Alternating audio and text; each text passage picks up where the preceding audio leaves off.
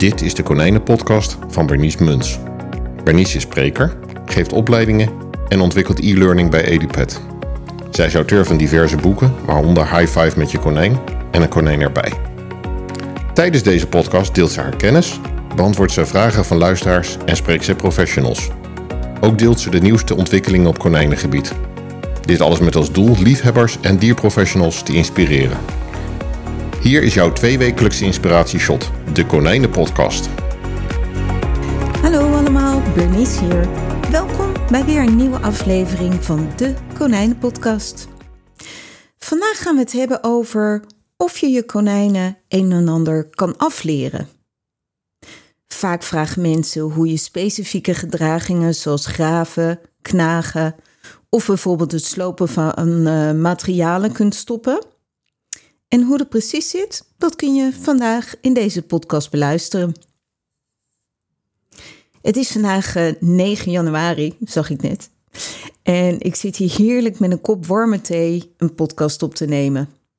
Buiten is het qua gevoelstemperatuur zo rond de min 15 graden.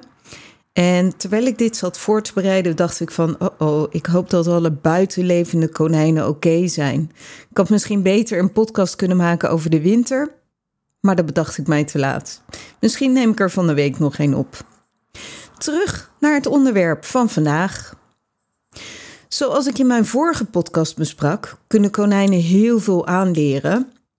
En ken ik ze niet anders als leergierige en nieuwsgierige dieren. En dan kun je ze dus ook wat afleren. Wat echter niet kan, is natuurlijk gedrag afleren. Denk bijvoorbeeld aan graven, denk aan knagen en eten, plassen of vluchten. Het zijn allemaal voorbeelden van natuurlijk gedrag. En ook graven kun je dus, ook zelfs volgens onderzoeken, niet afleren. Kun je er dan helemaal niets mee?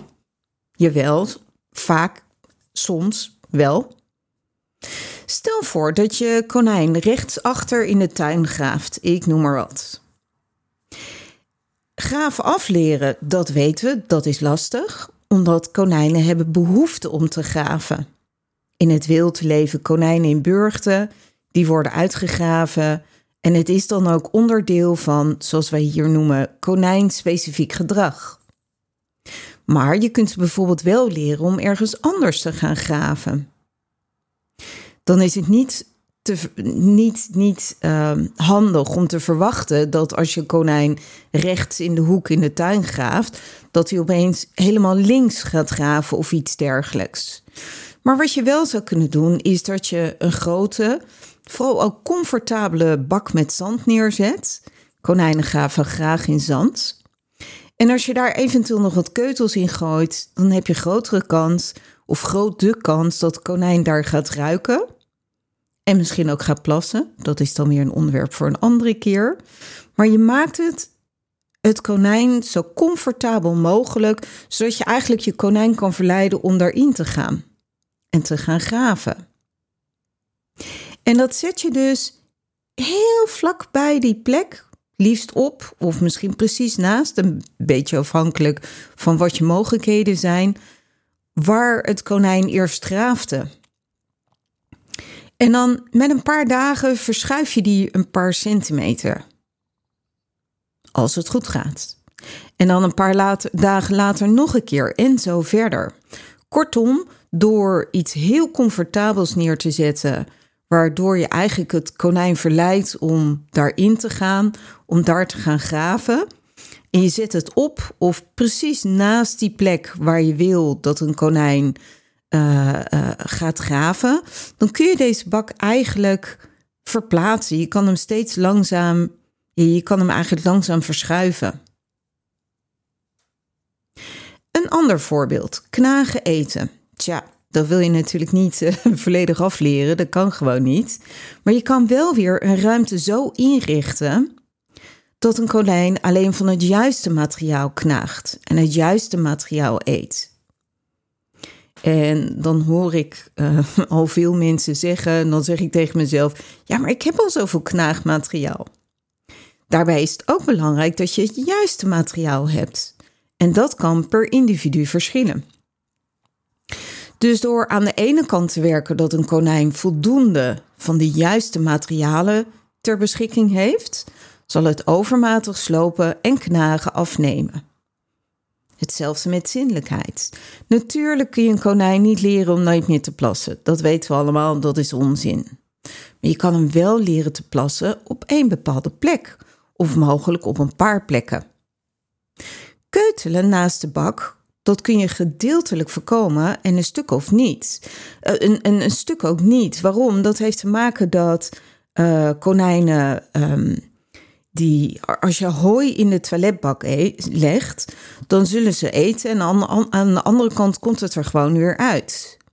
Tegelijkertijd worden er ook keutels rondom die toiletbak en misschien nog verder gelegd als territoriaal gedrag om te laten zien dit is mijn terrein.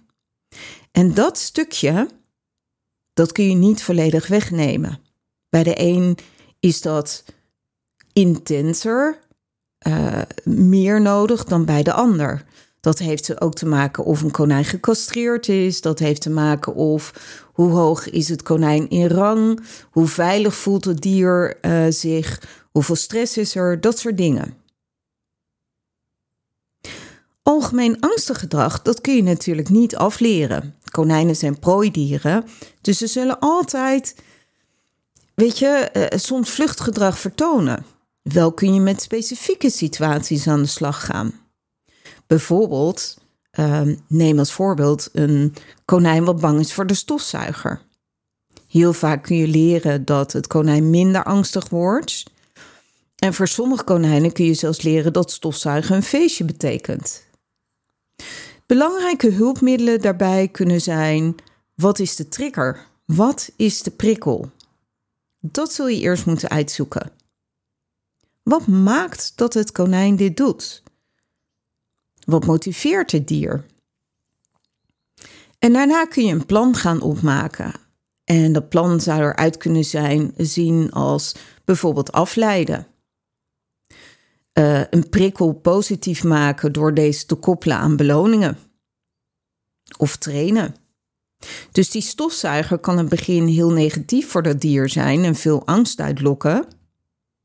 Maar je kan dit dus ombuigen naar meer positief gedrag. Bijvoorbeeld door eerst een denkspel aan te leren zonder de stofzuiger.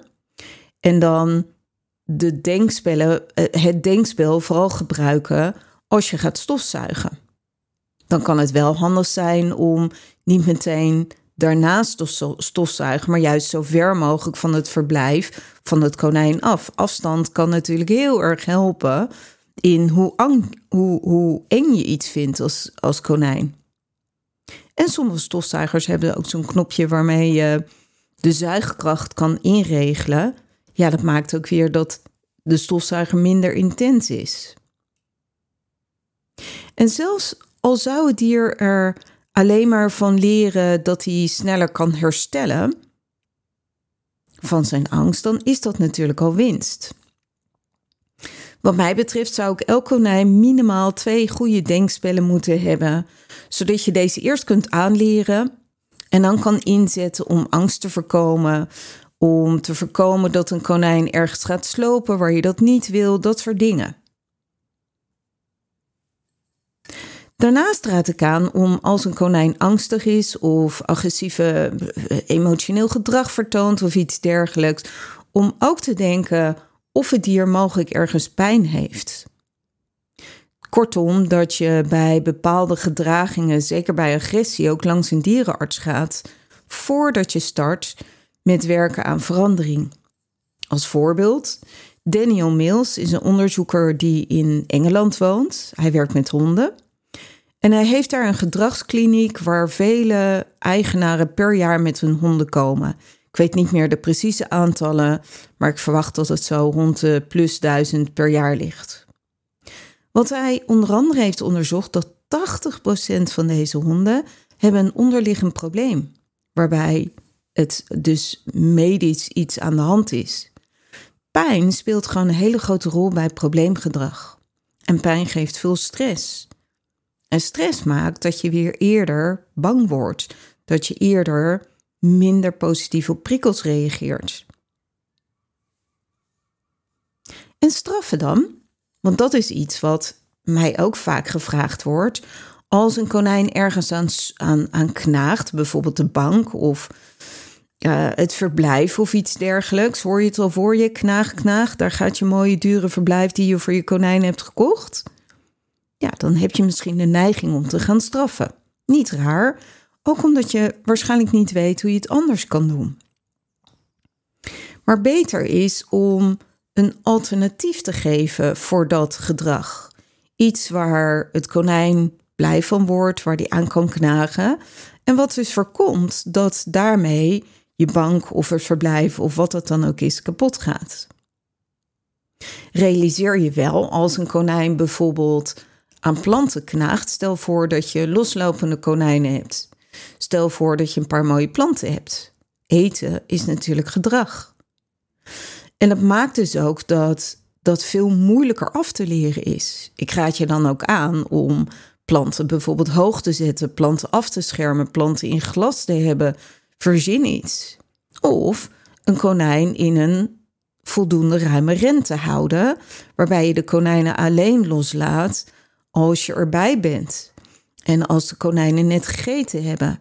En misschien wel na de puberteit, want in de puberteit, ja, daarbij zullen konijnen zeker meer knagen, meer slopen, dat soort dingen. Heel veel uh, vragen die mensen stellen gaan om, om uh, gedrag wat uh, vooral tijdens de puberteit vertoond wordt en daarna vaak een stukje minder wordt. En realiseer je ook dat straffen. Stel voor dat je konijn ergens aan knaagt. Jij rent naar dat dier toe of jij loopt naar dat dier toe en je zegt op harde toon: stop daarmee. Ook dat kan een konijn veel stress geven. En als ik dan in de schoenen of in de pootjes van een konijn zou staan, zou mij dat in elk geval veel stress geven. Met de kans dat het weer ergens anders eruit komt qua stress. En als je stress hebt, uh, ik ga bijvoorbeeld eten bij stress, maar konijnen kunnen bijvoorbeeld weer extra gaan knagen. Dus ik denk dan dat straffen niks oplost. Het geeft niet aan wat het dier wel mag doen. Dus je kan heel veel doen om um, het konijn ergens mee te laten stoppen. Als je maar even nadenkt hoe je dat doet. En soms kan het handig zijn om bijvoorbeeld een gedragstherapeut in te schakelen. Ja, er zijn gedragstherapeuten voor konijnen gaan binnenkort ook een opleiding, of nee, de opleiding is al gestart. We gaan binnenkort praktijkdagen in voor onze gedragstherapeuten. Maar er zijn ook buiten onze opleidingen meer mogelijkheden. En waarvoor een gedragstherapeut? Omdat deze veel verder kijkt dan alleen het directe, de directe aanleiding. Bijvoorbeeld huisvesting speelt een belangrijke rol. Krijgt het dier de juiste voeding? Krijgt het dier misschien te veel, te weinig zetmeel, te veel, te weinig voeding, dat soort zaken. En hou ook rekening mee dat een voeding uh, voor, voor uh, al jouw dieren misschien oké okay zijn, behalve voor dat ene konijn. Dat ene konijn heeft misschien net even wat anders nodig. En dan is het handig als een gedragstherapeut met je mee kan kijken en daarin kan adviseren, helpen, ondersteunen. Nou, gelukkig is er heel veel wat je zelf ook kan aanpakken, denk ik zo. En hopelijk heb ik je weer wat tips en inspiratie daarvoor gegeven. Nou, dat was het weer voor vandaag. Korte podcast, maar hopelijk wel eentje die, uh, ja, die weer even verder ondersteunt. Um, bedankt voor het luisteren en tot over twee weken. Super leuk dat je weer naar mijn podcast luisterde. Dank je wel ook. Het is mijn missie om het welzijn van konijnen naar een hoger niveau te tillen en konijnen en mensen samen meer plezier te laten beleven. Wil jij nog meer inspiratie? Lees dan een van mijn boeken. Of kijk op edupep.nl voor al onze cursussen en opleidingen. Misschien vind je het prettig om alle afleveringen overzichtelijk onder elkaar te hebben? Abonneer je dan op deze podcast. En heb jij nog meer vragen over konijnen die ik tijdens een uitzending kan behandelen?